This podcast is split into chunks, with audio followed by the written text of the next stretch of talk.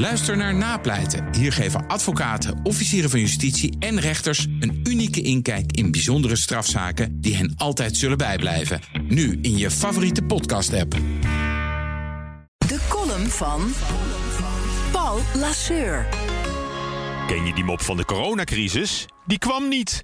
Sinds de wereldwijde uitbraak van de COVID-pandemie bijna twee jaar geleden alweer en de reeks lockdowns die daarop volgden, wordt er al voor gewaarschuwd.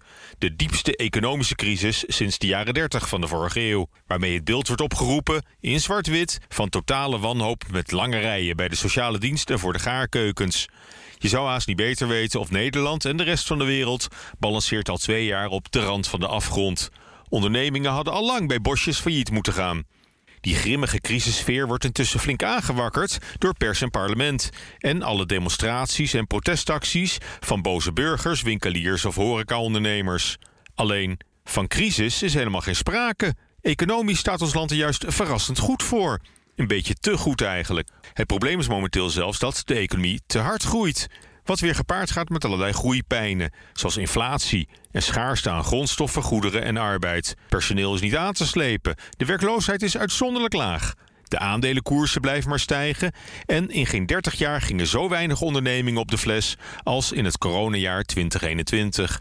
Want ondanks COVID, ondanks de lockdowns, gingen slechts anderhalfduizend bedrijven failliet vorig jaar, meldde het CBS woensdag. Een jaar eerder waren dat er nog bijna twee keer zoveel. En dat was ook al weinig. Van de enorme faillissementsgolf, waar nu al bijna twee jaar voor wordt gewaarschuwd, is vooralsnog geen enkele sprake. Integendeel, met name in de zo zwaar beklaagde horecasector was het aantal faillissementen opvallend laag.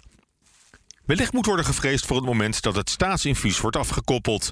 Want veel ondernemingen worden kunstmatig overeind gehouden met steun van de overheid. Bij elkaar opgeteld hebben bedrijven voor meer dan 18 miljard euro aan uitstel gekregen om hun belasting te betalen. Tienduizenden bedrijven kregen ondersteuning voor het betalen van salarissen en vaste lasten.